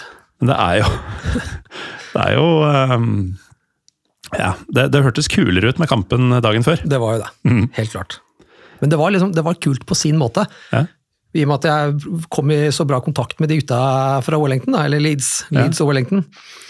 For de var trivelige, trivelige karer. Men du sa at de skulle, um, de skulle være i Australia i noen uker og skulle på flere kamper. De skulle videre til Melbourne. Ja. Eh, Jeg tror du skulle spille mot eh, Det er to det er Melbourne, Melbourne Victory, Mm. som er båndlaget. Så er det Melbourne City, som er en del av den eh, Manchester City-greia, City ja. som leder. City Group. City Group, ja. Ja, forferdelig opplegg, forresten. det er jo det. Det er jo eh, Asbjørn Slettemark bytta ut Berlin med Oslo og så New York, han bor jo der nå. Og um, har jo holdt på å si heldigvis for han uh, blitt uh, glad i å dra på basket. Ja. Fordi der har du jo to MLS-lag som er like uspiselige begge to. Det ene er i City Group, og det andre er i Red Bull-gruppa. Uh, helt eh, grusomt. Det er merkelig at han ikke har sett noe fotball der borte, men Jeg skjønner jo hvorfor når jeg sier det jeg sier, men det, det Nei, fy faen. Um, det du skulle se, var derimot noe helt annet. Men det, mm, det jeg bygde opp til, var at disse gutta fra Leeds og mm, Wellington de ble ikke med deg på neste match. nei. De, de kunne jo fort ha tatt eh, samme runden. Ja, nei, De skulle se Wellington videre, de da. Det var det som var uh, greia deres. De, de fulgte dem. Uh, så da var, det, da var det en uke til neste kamp. Mm. Det var da Sydney FC som hadde hjemmekamp. Var det da denne uka med arbeid? Det var den uka med Ja, arbeid. så den gikk ganske fort. Ja, den gikk dritfort. Det var veldig interessant og veldig bra opplegg. Så oh, jeg må bare si en ting før vi går videre, fordi du sa du tok et par glass eller flasker med vin før du prata med sjefen din eh, den gangen du ble koronahjemsendt. Eh, australsk vin, det er jo faktisk ikke til å kimse av. det er veldig godt. Det må vi ta, ta tak i, for vi har jo prata litt om eh, øl. De er sterkere på vin. Ja, det er bedre. Jeg er jo blitt veldig glad i vin etter hvert, jeg. Mm. Eh, sikkert noe med alder å gjøre, men eh, jeg er ikke noe jeg er ikke noe vinkjenner. Jeg kan det liksom ikke Det blir litt sånn Jeg kjøper en flaske, og den heter Dark Side of the Moon. Den ser kul ut. Ja. men den var god. Men det er jo sånn, det er jo forska på, tror jeg, at um, folk generelt, og i hvert fall i Norge, man kjøper ofte etter etikett, Ja. hvis man ikke veit. Altså, hvis jeg skal ha noe mat, så spør jeg, liksom. da. Jeg Mm. var noen dager jeg skulle kjøpe noe takeaway, så kjøpe meg en flaske vin. og så Da bare går du innom uh, bottle shop. Ja. Det er, det er jo ikke noe Du får ikke kjøpt det på but vanlige butikker. Er I Australia? Nei, men en veldig kul ting som de har der, da. De har drive-in bottle shops. Det er Konseptet er kult. Det bør Vinmonopolet ha her. Ja. Det er noe herlig selvmotsigende over det. Altså, Drive-in generelt er jo noe du skal ha der og da. Ja. Eh, det skal du gjerne ikke med verken vin eller annet. Men det, gjelder det øl også? Får du ikke kjøpt det heller i vanlige butikker? Nei. Det er jo litt uh, gøy, fordi i uh, Altså, vi sa jo litt spøkefullt at de er etterkommere av briter, det er jo for så vidt sant også, men der er det jo Der får du kjøpt hva du vil, hvor du vil. Ja. Mens i f.eks. Jordan i Midtøsten, der må du på en liquor store for Ja. å få kjøpt absolutt alt som har med alkohol å gjøre. Ja. De er riktignok ganske tett, eh, i hvert fall i de større byene, som det ikke er så mange av i Jordan. Men eh, at det skal være mer jordansk enn engelsk Ja, er på den fronten i Australia. Det er veldig rart. Og så er det en ting som slo meg. Eh, I disse gamle engelske eller britiske koloniene så er det eh, cricket Mm. og rugby som er den mest populære sporten. Hvorfor det? Hvorfor har ikke fotball, sånn som vi kjenner det, Mm. hvorfor har ikke den idretten slått an? Nei, fordi kolonitiden den varte jo til godt ut på den uh, populariseringa av fotballen. Ja. Altså, fotball var dritsvært i England på 20- og 30-tallet Ja. f.eks. Da var det jo fortsatt en kjempekolonimakt. Det var jo frem til andre verdenskrig. Ja, ikke sant? Mm. Eh, så det er jo ikke sånn at fotball var noe som bare bermen eller eh, overklassen. For det var jo de to gruppene som drev med det på England, i England eh, i begynnelsen. Eh, det var jo ikke fortsatt sånn da. Nei. Det var jo en svær, svær folkeidrett. Jeg vet ikke, jeg kjenner ikke til historien når cricket og rugby startet eh, på samme måte, men jeg vil jo tro at det var omtrent samtidig, slutten av 1800-tallet. Ja, Det vet jeg heller ikke jeg noe om. For det samme gjelder jo Canada også. Der ble, fikk jo cricket ble jo baseball etter hvert. Eh, men det er jo ingen av disse store, som tenker India, Pakistan, Australia, New Zealand. Mm. Det er cricket og rugby som er Ja. det store. Så har du også Aussie Rules, som er den australske varianten av rugby slash amerikansk fotball slash volleyball slash bryting slash karate. Det, det er jo, det er jo 18 mann som spiller på en rund eller oval cricketbane. Eh, og to mann kan jo grisebanke én på den ene delen, men spillet foregår på den andre. Jeg var på, jeg var på en kamp for 24 år siden mellom Essendon Bombers og Carlton Blues på Melbourne Cricket Ground. Det var 72 000, og det var halvtomt på stadion. Enorm stadion! Ja, det, det høres, øhm, høres veldig ut som det Australia jeg ser for meg. Ja. At øh, ting kan være dritsvært så lenge det ikke er fotball. Ja. Og, det er veldig rart. Og jeg tenker at dette er et bra tidspunkt for å utfordre lytterne. Fordi øh, det funker ganske ofte. Mm. Det er noen gærninger der ute som alltid har svar på ting vi lurer på. ja, det er bra. Så hvorfor har de andre idrettene blitt så mye større enn fotball i de fleste Eller i flere av koloniene britene hadde? Mm. Det utfordrer både Alexander Gjerdvik i Bergen og flere til på akkurat det. Eh, Men uansett, eh, du har en eh, tipper ikke altfor hard arbeidsuke før du skal på kamp igjen. Ja, det var ikke, jeg kan ikke si det var hardt, men det var eh, ganske intenst. Det var åtte til halv fire hver dag, med mye informasjon og besøk hos diverse sånn, brannvesen og meteorologisk institutt og sivilforsvar og mye, mye bra. Det var absolutt mye, mye å ta med seg hjem mm det, derfra også. Så det var det som var hovedgrunnen. Så, Ja, ja offisielt. så. ja. så ja, den, men den uka gikk dritfort. Og så er det jo da ny helg og ny kamp, og dette er jo en dag eh, etter mitt eh, hjerte. Mm. For det første så hadde jeg jo hørt om begge lagene som skulle spille. Ja, Og for det andre så skulle det jo Dette var bare starten på kvelden for din del. det var det. Og det mm, tar meg tilbake til Du spurte, eller du spurte for så vidt ikke, men eh, du sa i stad at du ikke visste hvorfor jeg skulle til Australia den sommeren 2020. Ja. Det var jo fordi jeg skulle jobbe fire uker som eh, språkleder for EF språk... Nei, mm, jo. mm, Turleder, nei, hva det nå heter. Husker ikke lenger. For EF språkreiser. Kursleder, heter det. Og mm, jeg har jo gjort det mange ganger tidligere, det er blant annet derfor jeg har vært mye i USA. Og jeg jobba i London en gang. Da hadde jeg en fridag. Hvor jeg dro på Fulham mot Norwich i championship på ettermiddagen. Og så dro jeg og så favorittbandet mitt eh, Propagandi seinere på kvelden. Dette var en lørdags, eh, lørdag, som jeg bare utnytta til fulle. Eh, Så den dagen du skulle ha her, den minner meg litt om den gang. Ja, for jeg var da på lørdagen og så Sydney FC mot Brisbane Roar. Og så var jeg på konsert på kvelden med Bad Religion og Social Distortion. Det er um, Det hardcore Sør-California-kombo, altså. Og det er første gang de to hadde turnert siden slutten av 80-tallet. Eller sammen, da. Eller spilt sammen. Så de gjorde, de gjorde fire gigger. De spilte i Auckland, Brisbane, Sydney og Melbourne. Ja. Og så dro de hjem. Det er gamle karer, som Ja. du skulle se. Men eh, vi, vi kommer jo tilbake til det. Først er det fotballkamp. Ja, Eh, Sydney FC dem kjente du jo litt fra før. ja. Eh, lyseblå. Blå, li- veldig Manchester City-aktig. Uten å være en del av City Group. Ja, uten å være de, de, har jo, de har jo holdt på lenge. Mm. Uh, De var også med i denne National Soccer League for, som starta på 70-tallet. Mm. Eh, Og er det laget som har vunnet mest, har flest titler, så vidt jeg vet. Ja. Fra back then. Lurer på om det var der Dwight York eh, spilte noen år, eh, da han begynte å eldes. Det er mulig, men han fikk nettopp sparken i MacArthur bare noen uker før jeg dro ned. Okay. Han var trener der. Så han har blitt værende, han, Ja. antagelig. Men det var en italiener, hva heter han da, Eh, som spilte i Sydney? Pie, Del Piero. Alessandro Del Piero. Ja, han, Stemmer han spilte i Sydney. Han hadde, han hadde én sesong i denne indiske ligaen, som eh, varte vel kanskje bare én sesong. Jon Og en sesong var. varte i fire måneder. Ja. Eh, og og det, var liksom, det var siste sesongen hans, ellers var det en del år i Sydney før det. Hmm. Um, de spiller på dritfin stadion, helt, helt ny. Ja. Kjempe, helt kjempestor. Uh, plass til 45 000. Veldig sånn kul eh, Jeg sendte deg et bilde av det òg, tror jeg. Sånn kul design på setene. Så det, det ser ikke ut som det er helt tomt, for det er sånn forskjellig farge. Det er litt sånn aboriginal art på disse setene. Så det er sånne svære sånne prikker og buer og Må nesten, må nesten se det. Ja. Jeg tror faktisk ikke jeg har fått eh, noen bilder derfra, så det må vi ordne. Det skal vi ordne. Men eh, du sa noen og 40 000? Ja. Um, dette, dette er også samme stedet.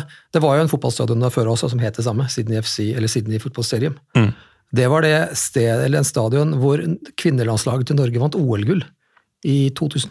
Ja, da Olav Trond mista dritten sin fullstendig Ja. i Og, og, og jentene var det kalles seg gresshoppene, var ganske teit eh, og gikk på knærne Ja. etter hverandre. Dagny Melgren og ja. Mm. ja, dette, Apropos ting man husker fra den tida. Ja. Akkurat det husker jeg ganske levende. Ja. Um, Jeg husker jeg hørte en kamp på radioen av en eller annen grunn. Da, da var det vel Olav Tråen. han var vel sikkert kommentator på radioen og TV samtidig.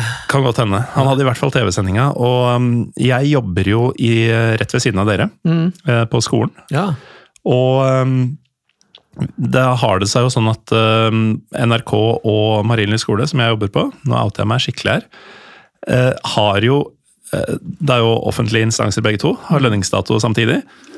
Og det er jo bare én pub i området der. Eh, Marienlyst kafé, eller Kafé Marienlyst. Eh, kalles bare Stockmann på folkemunne. Den, Eller- ligger, den er ganske brun. Hm? Eller Valkyrien er jo Ja, men den er jo på Majorstua. Ja, jo, er jo det. Ja, nå får du gi deg. Eh, Men i hvert fall så er det jo ofte, har det ofte vært sånn overlappende lønningspils for lærere og NRK-folk. Ja, Og jeg har da hatt uh, mine passiarer med Olav Tråen, ja kult. som uh, har vært veldig klar på at radio er bedre enn podkast. Og det,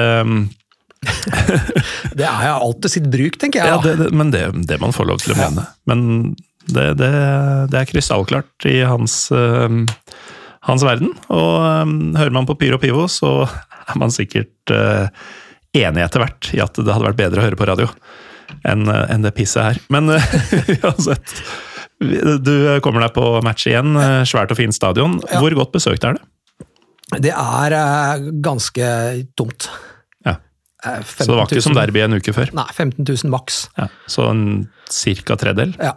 Um, bra merch-butikk der. Ok. Eh, Eneste stedet hvor jeg så merch-butikk Jeg, jeg, jeg, jeg prøvde ikke engang i MacArthur, for jeg skjønte at der er det ikke noe. Nei, nei. Jeg, jeg, Ingen bryr seg. jeg så litt etter det i, i Western Sydney. Fant ikke noe der jeg kikka. Mulig det var et annet sted på stadion. Mm. Eh, Men veldig bra, veldig bra butikk. eh, Bra utvalg. Skjerf, drakter, bortedrakt, eller eh, jo, bortedraktene til Sydney. Tredjedrakter. Alt mulig. Mm. Som du finner på en bra butikk i, i Europa også. Ja. Men det er kult. Ja. Ble det noe innkjøp av? Jeg skulle jo på den konserten etterpå. Mm. Ellers så pleier jeg alltid å kjøpe et, et skjerf når jeg er på match. Ja. Har tak i, garasjen min. Ok.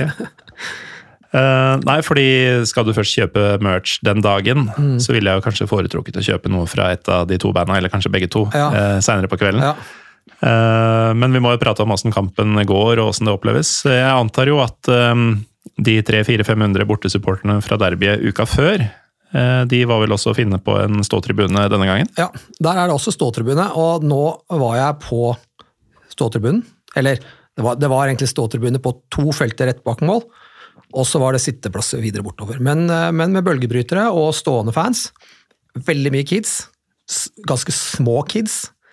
Så var det foreldre som satt liksom på vår alder, som satt på sitteplassene rundt der jeg var, og som bare fulgte med, da, for de var sånn åtte-ti år gamle. Så det virker jo bra opplæring. Men da var det også eh, capo og trommer. Eh, og, og så var det, mye, det var mye fuck og mye banning fra denne capoen, så jeg merka at disse pappaene de var litt sånn bekymra når det var- blei for mye banning. Så kikka de bort på, på unga, og så var det et eller annet var det som gikk bort. og så, ja. Hadde Capoen eh, megafon, Capoen og megafon. ja, så han står og banner inn i den. Ja. Det står ikke og banner for seg sjøl. Nei, nei, det var liksom Det var, eh, det var for fansen, for å dra i gang en sang. Ja, okay. En veldig kul ting, det var at de hadde en Belinda Carlisle-sang som, som de hadde som Sydney FC-sang. Okay. 'Heaven is a place on earth'.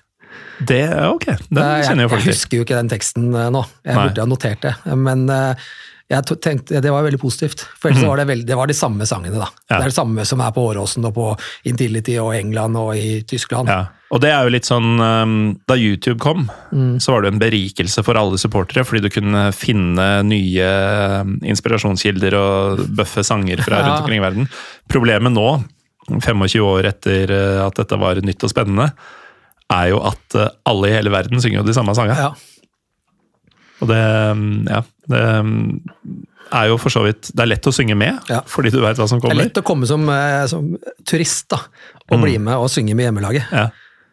Men det, det er jo ikke sånn Det er ikke så unikt å komme på Sydney FC mot Brisbane Roar, Nei. hvis du skjønner alle sangene med en gang. Det var, eh, det var veldig lite bortefans. Eller, Mm. Det var noen få på andre siden. For du prata litt om geografien her i stad. Hvor langt er det fra Brisbane til eh, Sydney cirka? Cirka 90 mil. Det er jo Jeg liker jo, eller mange fnyser jo litt av dette slaget om Nord-Norge, fordi det er så jævlig langt mellom Tromsø og Bodø. Det er vel noe sånn som 60 mil? Ja, det, blir som, eh, det blir som Oslo-Bodø. Blir det Ja. Hvor langt er det?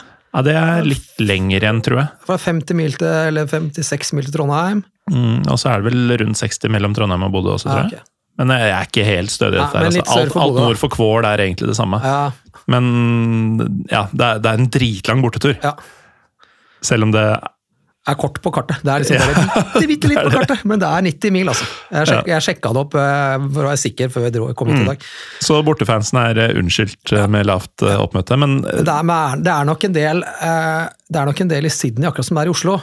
Mange som kommer fra hele landet, for det er den største byen. Mm. Går du og ser på Vålerenga, så er det jo dritmange fra Bodø og fra Ålesund og Tromsø fordi de bor her i byen. ja. ja, de får mye gratis. Ja, Men var det Jeg antar at det var mer enn de 300-400-500 som var på bortekampen.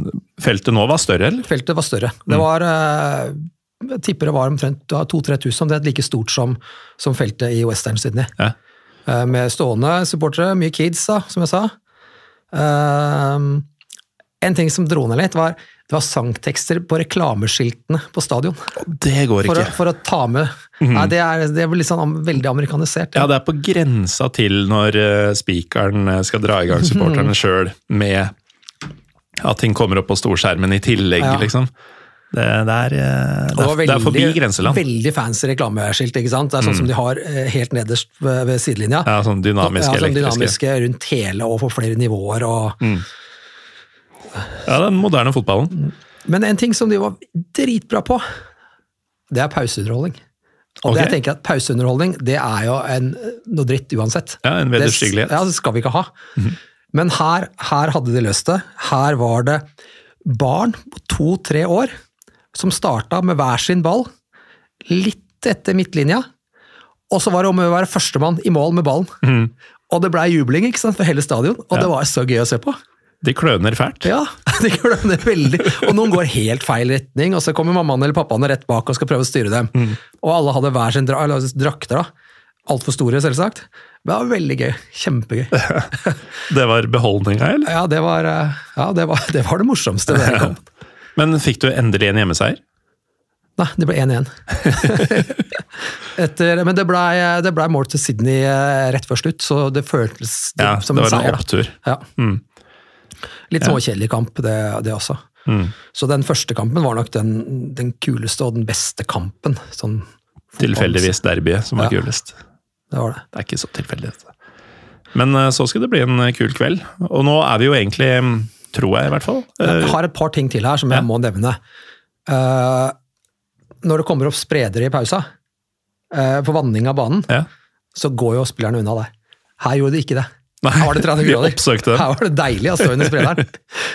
og så spilte de med ACDC Ja. i pausa og etter kampen. Og tenker, når, de, når du er i Australia og du spiller ACDC på fotballkamper, det er, det er bonus. Mm. Det er sånn, mange som spiller Thunderstruck her i Norge. Det er bare teit. Ja. Det funker at uh, St. Pauli spiller Hellspels, det liksom det er greit. Men, uh, men uh, det blir riktig å spille ACDC der det, da. ja. Det er litt som å spille jokke i Norge. Ja, Som, eh, som Skeid gjør, selvfølgelig. ja så, klart. Den slu daglige lederen eh, ser sitt snitt Mm. til å instruere Nå veit jeg ikke om Daniel Strand faktisk har instruert uh, Spiker, eller hvem det er nå er som styrer det, men han må jo ha gjort det. Sikkert. Eh, men det var fotballdelen av mm. dagens uh, episode. Mm. Eh, jeg har jo gleda meg til å høre om eh, denne bonanzaen med sørcalifornisk uh, punkrock. Ja. Eh, altså, det er jo Du sa de hadde turnert sammen på 80-tallet, Social Distortion og Bad Religion. Jeg har jo sett begge live uh, sjøl, Bad Religion, flere ganger. Og det er jo altså, det er jo tydelig at de har holdt på en stund, fordi gud bedre så gamle noen av dem ser ut. Dritgamle ut! Og det hjelper jo ikke at han, eh, vokalisten i Bad Religion, han er jo college-professor. Har en doktorgrad i noe innen fysikk, eller hva det er. Noe. Han ser så jævlig sånn ut òg. Han ser så professor ut, med det kritthvite håret og briller med Ja. sånn eh, strap eh, som holder dem på plass og sånn. Og så står han der og synger ja, antiautoritære tekster og, Ja. og sånn. Åssen var det? Det var dritkult. Eh, og de, denne, denne arenaen, eller det var en paviljong, det heter Horden Pavilion. Det ligger bare 500 meter unna fotballstadion. Perfekt. Det var helt nydelig. Så jeg kunne bare gå rett bort dit. For kampen begynte klokka fem. og Dørene åpna der borte klokka 19. Mm. Og så var Social Distortion først. Det begynte sånn halv ni-ish, tror jeg. Ja. Spilte en drøy time, en time og kvarter eller noe sånt. Og så kom Bad Religion på. Eh, og Horden Pavilion er eh, Det ble bygd på 20- eller 30-tallet. Altså, Stones har spilt der, Beatles har spilt der, Led Zeppelin, Nirvana. Alle de der gamle heltene. Iron Maiden, som er en av mine favorittband, de har spilt der. Og eh, det var en sånn plass til 5000-6000, tenker jeg. Skulle til å si Det må jo være en jævlig svær plass, hvis de virkelig store har spilt der Ja, alle det var litt sammen. sånn der, jeg, jeg, var jo, jeg var jo jeg er så gammel at jeg fikk vært på noen konserter i Skedsmohallen på 80-tallet. Jeg var på en måte Crew og Judas Priest i Skedsmohallen. Så det var litt sånn den størrelsen. Det skjer ikke. Altså, Folk som var på store konserter i Norge i gamle dager, det var Drammenshallen og Skedsmohallen og Ja. sånne ting. som Kommer du inn til de stedene i dag, så vil du aldri tenke at her har det foregått andre ting enn håndball. Nei, ikke sant? Tenk, kom, kom, var utenfor Drammenshallen tenkt, der har Bruce Springsteen spilt. ACDC. Iron Maiden. Bob Marley. Ja. Thin Lizzie. Det er helt, helt sjukt. Tenk på alle de kule bandene som har spilt der. I Drammenshallen. Ja. Men uh, dette er jo da um, en paviljong, som du sier, Ja. i Sydney. Litt mer forståelig at uh, store band har spilt på en paviljong i Sydney enn i Skedsmohallen. Ja. Men uh, så, sånn er det nå. Nå skal vi ikke dra det langt ut med spillelistene til uh, noen av banda, men for det første, plass til 5000-6000. De kan ikke ha solgt ut. Nei, det var ikke utsolgt, Nei. men det var, jeg tipper det var fire-fem. Det, var- Det er bra, det var fullt, Ja. men det var ikke utsolgt. Fullt ish. Ja, og det gikk an å Jeg sto ganske langt fremme på, på Social Distortion. Mm. De spilte Var du på den var du, Så dem på Sentrum Scene i sommer? Nei, jeg så dem på West Coast Riot-festivalen i 2009 i Göteborg. Så de spilte omtrent samme settlista som på Sentrum Scene her i Oslo i sommer. Mm. Uh, litt fra hver plate. Eh, veldig kult. det. Det er så mye kulere enn når man skal ut på sånn Supporting the New Album-aktig, Ja. hvor man spiller masse nytt som folk ikke har rekket å få et forhold til, og så avslutter du med liksom crowdpleaserne. Ja, jeg håpa jo du skulle spille For meg kunne du spilt hele den der White Heat, White Light-skiva. da hadde jeg vært happy. Det er den eneste jeg har på vinyl. Ja, den er jo det er min favoritt. Mm. Uh, og det er kult å stå tre meter fra Mike Ness, da. Og han ser jo rocka ut, da. Apropos, altså Bad Religion og spesielt vokalisten ser jo eh, rutinerte ut Ja. fordi de er gamle, men har alltid vært sånn velutdanna gjeng og sånn. Mm. Eh, Så de har bare blitt gamle menn. Mens Social Distortion, og spesielt Mike Ness, altså frontfiguren, levd hardt. Han har levd veldig hardt. Det har mye, vært mye dop og fengsel og holdt på med boksing og Ja. av albumene, deres heter jo Prison Bound. Ja. Så ja, nei, det var, eh, var veldig, veldig stas å se dem igjen, for jeg fikk sett dem første gangen i fjor i Oslo. Så jeg liksom venta i 20 år på å se dem. Bad Religion har jeg sett et par ganger før. Så dem på eh, Rockefeller på slutten av 90-tallet, og så så jeg dem på Øya for noen år siden. Mm. Spilte liksom ettermiddag på en liten scene på Øya. Det var veldig feil sted å se dem. Ja, det stemmer ikke. Nei. Men de spilte jo da full eller headliner-sett og alt av hits, og veldig, veldig kult, altså. Det var helt klart det bandet folk kom for å se. Det var de som var mest populære. Ja, ja det, er, det er jo et større band innafor den uh, kulturen der. Mm. Um, men det, det må ha vært uh, litt av en dag, da. Altså Ja, var avslutte en uh, intens, som du sa, arbeidsuke med fotball, og så to antageligvis ganske fete konserter. Ja, det var eh, Og det er lørdag kveld. får ikke noe, Det får ikke noe bedre kombo for min del, altså med fotball og punkrock og øl. Det er, og lørdag kveld. Det er helt strålende. Ja, og så kan jo dette bli mellom oss og de som hører på. Eh, Men du prata jo tidligere om at du skal nå ha sesongkort fordi du endelig er i anførselstegn fri Ja. eh, fra familiebånd og sånn, og kan dra på kamper igjen i Norge. Det er vel ikke sånn udigg å være helt fri en lørdagskveld i Sydney, når du er vant til eh, å måtte stille opp for Gud og hvermann? ja, det er jo helt nydelig, det. Og jeg var borte i tre uker aleine i et tropisk paradis. Ja. Og jeg skjønner nå, eh, når jeg var der eh, som backpacker for 24 år siden, så blei jeg jo totalt forelska i det landet, og det, er sånn, det har jo kommet tilbake nå. Mm. Men det er jo så jævlig langt. Ja, det er Det er så synd at det er så langt. Og det, det blir jo på en måte avslutninga i dag, da, om uh, hvorvidt dette er et sted verdt å besøke. Du har åpenbart uh, dine meninger om det, men uh, kjenner du til, siden du kalte det Tropisk paradis, bandet Rancid? Ja. De har jo en låt som heter Tropical London. Den handler jo om Melbourne. Ok. Så jeg tenker, hvis man liker London, men vil gjerne ha hatt det litt varmere og mer eksotisk, så er jo Melbourne og mm, er kanskje stedet å dra til. da. Ja. Eh, Men hva er, hva er det med Australia som gjør at du har blitt forelska på nytt? For det, fotballen var terningkast fire på det sitt Ja, det beste. var, ja. Eh, hvis, du, hvis, du, hvis du sitter på bussen i Australia, hvis du er aleine på bussen Sitter du på sete nummer to, tre eller noe sånt. Eller mm. her, her hjemme, da, hvis du sitter på bussen. Så kommer det noen inn, går og setter seg bakerst. Ja. He- sier ingenting. Ikke. Kanskje de nikker. Der nede setter de seg ved siden av deg og begynner å skravle. Og det, det skjer på ordentlig, for det høres veldig sånn klisjé ut. Ja, det skjer på ordentlig. Jeg tok toget nå også, eh, fra, fra Sydney opp til eh, Byron Bay, som jeg var i siste uka. Og da kommer det Jeg trodde jeg hadde vindusplass, det hadde jeg dessverre ikke. Men så, så kommer det en gammel dame som har den plassen ved siden av meg. da. Drithyggelig å prate med. Jeg bare, hele, eller halve turen da, før hun sovna. Bare gikk Bare sovna, ikke sant? Ja, bare sovna. Ja. Ikke sovna inn. Nei, heldigvis. Nei, det, var, eh, det, det er veldig sånn, typisk for Australia. Og sånn, sånn tenkte jeg da jeg var der eh, for 24 år siden også. Ja. Det er veldig lett å komme i kontakt med folk.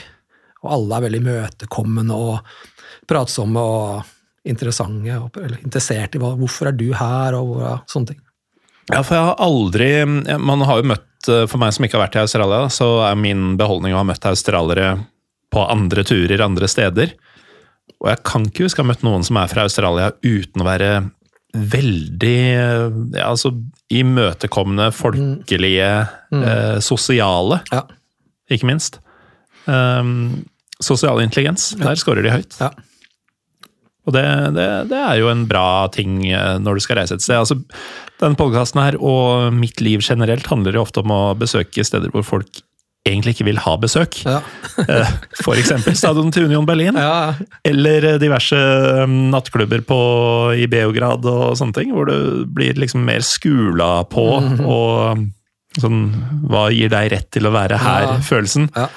Der er ikke australierne på, på noe vis. ikke i det hele tatt. Um, vi Men men, det er litt bare, Unnskyld at jeg avbrøt, men Nei, det er litt merkelig merkelig med tanke på at det er så mange innvandrere fra Europa.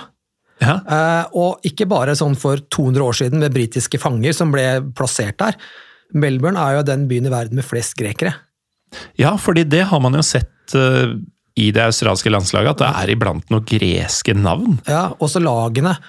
eh, litt nedover i, i divisjonene, heter jo sånn her Melbourne Croatia. Adelaide Juventus. Det, det, det er sånn, det er Jeg liker sånn det ene bedre enn det andre, merker jeg. Eh, og de har, de har Adelaide Juventus, du kan jo tenke deg hva slags farge de har på draktene. Ja, Det er ikke så mange farger. Nei. Mer gråtoner. Ja, og hva slags striper de har. Mm. det, er veldig, det er veldig sånn da, i, i byene der. Ja, men det, det er jo fascinerende i seg sjøl. Mm. Fordi det er, det er jo ikke et naturlig sted å vandre til, i og med at det ligger så langt unna absolutt alt annet i hele verden. Bortsett fra New Zealand, Mm. som også er ganske langt unna. Ja, enda lenger. Men det, det er vel nesten ikke um, noe sted i verden holdt på å si, verdt å besøke som er lenger unna enn Australia. Jeg tror Altså, ikke det kommer lenger unna. Jeg, jeg vet ikke om Antarktis er lenger unna, sånn geografisk. ja, det, det er det kanskje, men da reiser du mye rettere Ja. i den ene Ja. retninga, så det er ikke sikkert. Og så har du jo, Men uh, forbeholdet jeg tar, er jo sånn stillehavsøyer og sånn. Mm. Som Jeg tror kanskje New Zealand blir lengst unna. da. Det blir enda lenger enn enn Australia. Ja. Og dette er alltid litt forvirrende, fordi hvis man ser et kart som henger på en vegg, så ser det jo ut som det er sånn eh, nordvest-sørøst-akse eh, fra Norge til New Zealand f.eks. Men når du ser en globus, så blir jo alle disse ideene litt sånn Mm. utfordra, Ja. i og med at det fins andre måter å komme seg hit og dit på. Ja. Men til Australia og New Zealand så må du jo faktisk via f.eks. Singapore, da. Ja. Så du må i den retninga uansett, og da er det faktisk Det er kanskje fasit på hvor langt du kan reise. Jeg tror det. Så du må ville det Du må for å dra til Ja. Australia. Du, du bare dumper ikke det der ved en tilfeldighet. Men du mener at man bør ville. Ja. Mm. Så bør man ha noe annet. Man bør ha noe annet enn å bare se fotball. som først er der, liksom. Bør ha noe med flere mål enn det. Ja, det, det har jo blitt ganske tydelig. Mm. Eh, Hva, hva er det du tenker eh, man må få med seg hvis man er i f.eks. Sydney, da? Som vel er det naturligste stedet å reise. Ja, Man må jo få med seg strendene. Mm. Eh, det er jo Bondi er den mest ikoniske stranda, Mm. ved, ved siden av Venice Beach, kanskje, i, i LA, i hele verden. Mm. Så det er jo et must. Og så bør man jo se Operahuset og denne broa. Men de så jo helt like ut nå som de gjorde for 24 år siden. Ja. Så jeg så dem nå, for jeg tok en båt ut til Manly Beach, som ligger på nordsiden av byen. Men den var ikke så fin som jeg huska det fra den gangen. Nei. Men det, det er jo en uh, greie som Det er jo selvfølgelig Det er ikke et problem engang, men det er en veldig luksuriøs ting å oppleve når du reiser til et sted flere ganger. Eh, Jeg, jo, jeg var jo i et bryllup i New York i fjor sommer, og hadde heldigvis vært der tidligere. Ja. Og det var jo igjen i forbindelse med en sånn språkreisejobbing, så da hadde jeg jo gjort med kidsa. Vært oppe i Empire State, vært ute på um, denne statuen ja. og greier. Liksom gjort alle de turisttinga. Ja. Så selv om jeg ikke hadde Jeg hadde ikke en full uke engang i New York, men jeg hadde nok tid til å bare surre rundt og oppleve og kose meg. Ja. Det var ikke noe jeg måtte gjøre Nei. siden jeg først var der. Og det må jo være sinnssykt deilig for deg også, når du først har Du hadde jo riktignok god tid, da. Men at du kunne lage en egen sånn plan. Du ville se konserter og fotballkamper og Mm. sånn. Heller enn å drive og stresse rundt for å bare Nå har jeg vært her. Ja. Nei, det er veldig deilig, og det gjør jeg. Sånn kan jeg hvis, Nå er Berlin også. Mm. I Berlin mange ganger. Så er det en kompis som ikke har vært der. Han vil si kan ikke du ta med meg til Berlin, da? Jeg har vært der så mye. Så jo, jeg gjør gjerne det, men da vet jeg at da må vi se alle, da må vi se på Riksdagen og Brandenburger Tor. Mm. Og, sant? Da må vi gjøre det greiene der, og alle de der delene av muren som står igjen. Og, men det er ikke så spennende etter å ha vært der etter å ha sett det første gangen. Nei, men um, det er jo sånne ting man igjen må gjøre. Ja. Det, men forhåpentligvis har du vist folk Berlin på en måte som gjør at de vil komme tilbake til Berlin. Ja. Eh, Det har jeg også gjort, og da blir det jo mye gøyere andre Ja, gangen. Helt klart. Uansett, eh, Håvard, så tror jeg vi har kommet eh, i mål med i hvert fall Australia-fortellingene dine. Mm. Men eh, som en fyr som kommer tilbake med sesongkort i norsk fotball nå, åssen føler du deg en måneds tid før seriestart? seriestart? Jeg tenkte Det var bra svar. Da, da, når vi sitter her nå, så er det jo dagen etter årsmøtet i Vålerenga. ja. Og det var ikke en hyggelig kveld, har jeg skjønt. Nei, jeg leste bare overskriftene på sosiale medier i morges på toget innover. Jeg, jeg vet ikke, jeg har, jeg har ikke noen forventninger, egentlig. Det blir vel, det blir vel en sjuendeplass. Eh, og så blir det sikkert tap for Moss i tredje eller fjerde runde i cupen. Eh, siden jeg bor i Moss og sikkert kommer til å være på Melløs og se, se matchen der. Eh, Men jeg gleder meg til å stå sammen med gamle studiekompiser og kompiser som jeg har stått sammen med på, Ullevål på 90-tallet igjen. Som liksom, nå, skal vi, nå skal vi gå på kamp igjen. Noen av oss har hatt sesongkort, eller noen av dem har hatt sesongkort hele tiden. Noen har kommet og gått litt. Men nå er hele den gjengen samla, og det gleder jeg meg til. Det blir gøy. Og du sier stå med. Det er eh, ståplasser som gjelder. Ja, det er Østblokka. Bra. Ja. Ja, Nydelig. Eh, Jeg holdt på å si lykke til, men det kan jeg ikke gjøre, siden det er akkurat den klubben du holder med. Det er Men-. Uansett, eh, Håvard Wien, eh, tusen takk for at du var her og prata om eh, turen din til Australia med noe attåt. Takk også til deg som hører på. Vi er Pyro Pivobod på Twitter og Instagram. Og tydeligvis også Pyro og Pivo på Facebook. Det var sånn Håvard kom i kontakt med oss. Så um, hvis du fortsatt bruker Facebook i 2023, så lik oss gjerne der også. Jeg heter Morten Gallosen. Meg trenger du ikke å følge noe sted. Det vil jeg i hvert fall ikke anbefale. Men eh, Pyro Pivo er tilbake neste uke. Ha det bra.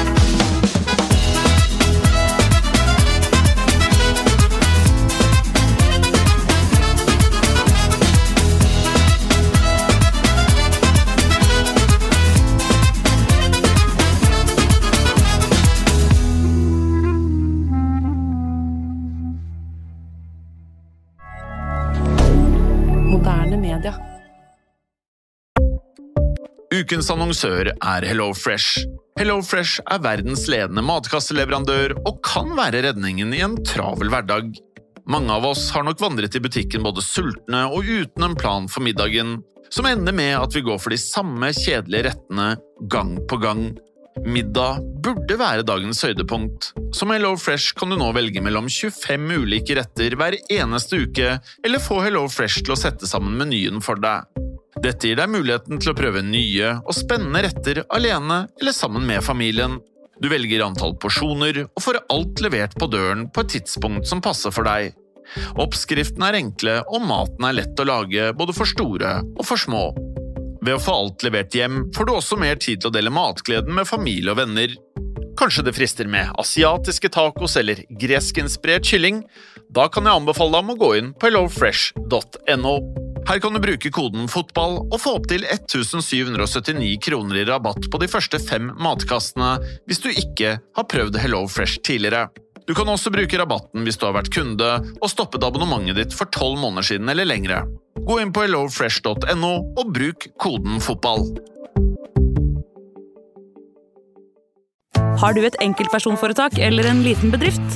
Da er du sikkert lei av å høre meg snakke om hvor enkelt det er med kvitteringer og bilag i fiken, så vi eh, gir oss her, vi. Fordi vi liker enkelt. Fiken superenkelt regnskap.